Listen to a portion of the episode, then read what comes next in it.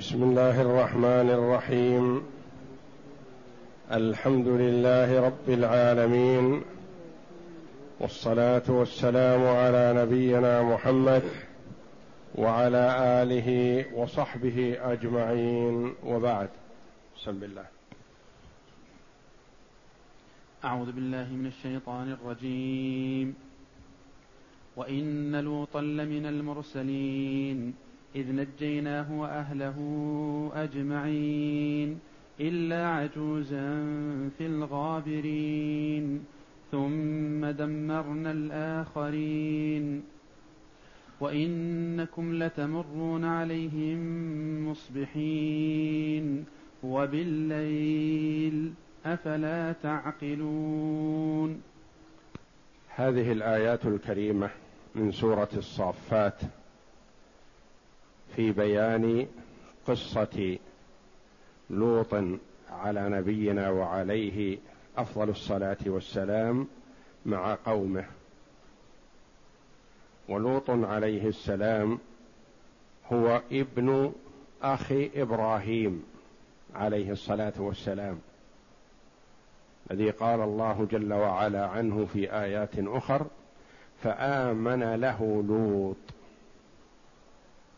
اهتدى على يد إبراهيم وذهب معه إلى الشام.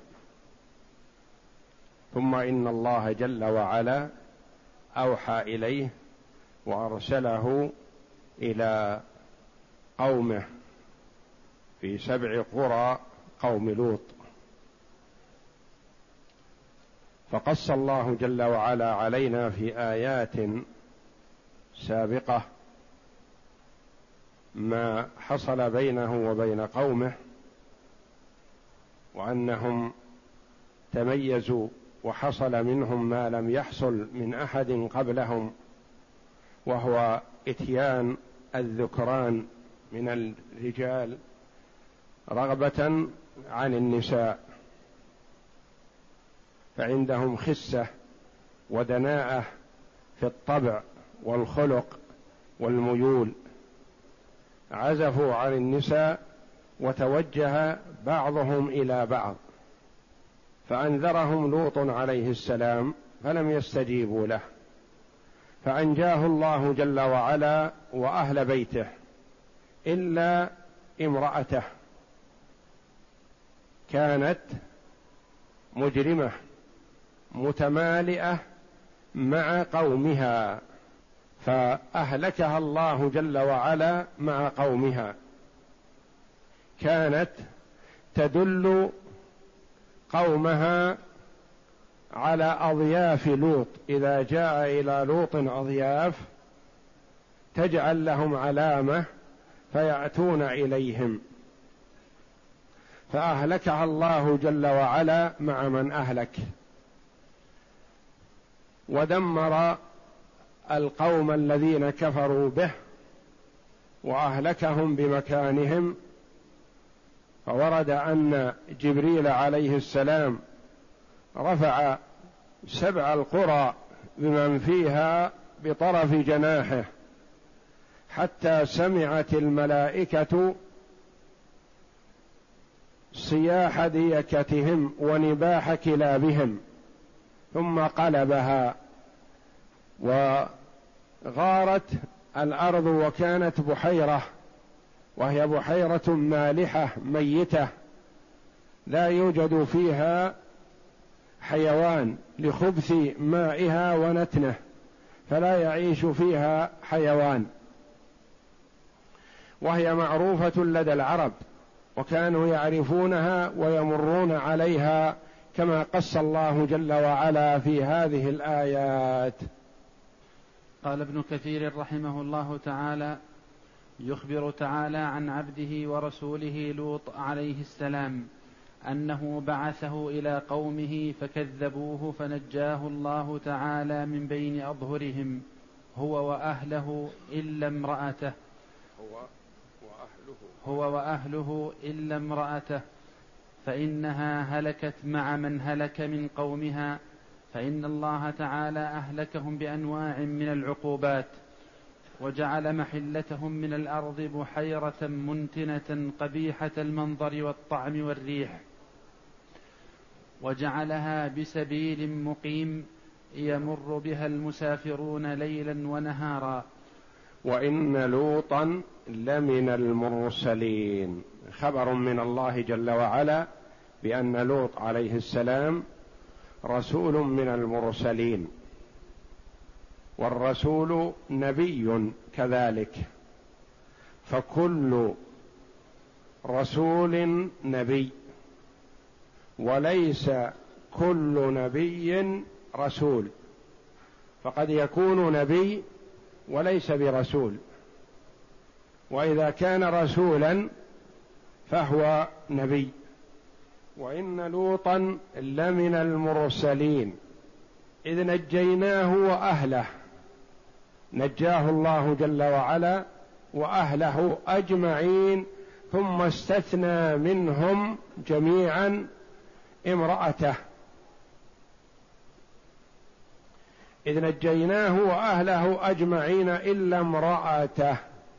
في هذا قطع لأطماع من يتعلق بذويه من الصالحين.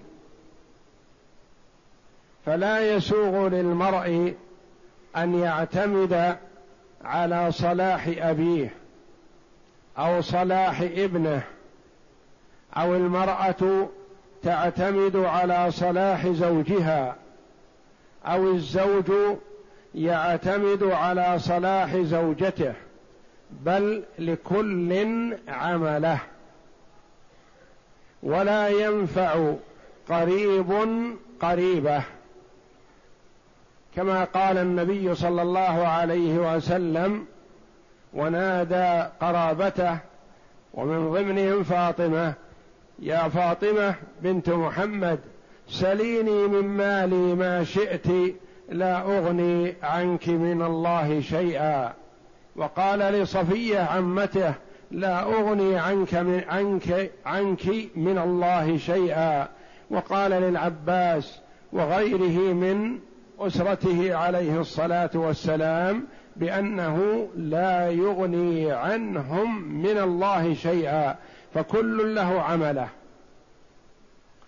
قد يكون الرجل صالح وذريته صالحة ولم تصل إلى مرتبته فيكرم الله جل وعلا الآباء بأن يرفع الأبناء من منزلتهم إلى منزلة الآباء لتقر عين الآباء بهم. وهذا في حق من اتصف بالصلاح أما من كان كافرا فلا تنفعه شفاعة الشافعين. لا يشفع فيه أحد. إذ نجيناه وأهله أجمعين إلا عجوز. العجوز المرأة الكبيرة في الغابرين وكلمة الغابرين من الكلمات التي تطلق على الأضداد تطلق على الماضي وعلى الباقي. يقال غابر بمعنى مضى وانتهى ويقال غابر بمعنى باقي ومستمر. فهي من الكلمة التي تطلق على الضدين. إلا عجوزا في الغابرين في الماضين مع من مضى وهلك. إلا عجوزا في الغابرين باقية مع الهالكين. ثم دمرنا الآخرين. لما استثنى الله جل وعلا وسلم لوطا وأهله واستثنى منهم المرأة الظالمة أخبر بأنه دمر القوم أجمعين. ثم دمرناهم ثم دمرنا الآخرين. الذين كفروا بلوط عليه السلام ولم يستجيبوا له. نعم. وإنكم لتمرون عليهم مصبحين وبالليل أفلا تعقلون نعم. يقول الله جل وعلا وإنكم يا كفار قريش أو يا كفار العرب أو يا معشر العرب تمرون عليهم تمرون على آثارهم تمرون على ديارهم وتشاهدونها ويعرفها الكثير منكم. لو سئلوا ما هذه البحيرة قالوا هذه التي أهلك فيها قوم لوط. هذه منازل قوم لوط. وما كانت بحيرة كانت أرض يابسة. لكن لما قتلعها جبريل عليه السلام من أسفل السافلين ورفعها إلى فوق ونكصها أصبحت بحيرة خبيثة منتنة. وإنكم لتمرون عليهم مصبحين في حال الصباح وبالليل تمرون عليهم بالليل. تمرون عليهم يعني صباحا ومساء. يعني تشاهدونهم. لا تمرون عليهم بالليل فيخفى عليكم حالهم. ولا تمرون عليهم بالنهار فلا تدركون شيئا من أمرهم. أمرهم واضح وجلي. تعرفون ذلك حال مروركم عليهم بالليل وحال مروركم عليهم بالنهار. فأنتم يا معشر العرب يا كفار قريش يا كفار العرب تعرفونهم وتشاهدونهم. ألا تعتبرون؟ ألا تتعظون؟ أفلا تعقلون؟ أفلا تعقلون حالكم وأمركم؟ فتتبعون محمدا صلى الله عليه وسلم خوفا من أن يحل بكم ما حل بمن قبلكم. وكما ورد السعيد من وعظ بغيره.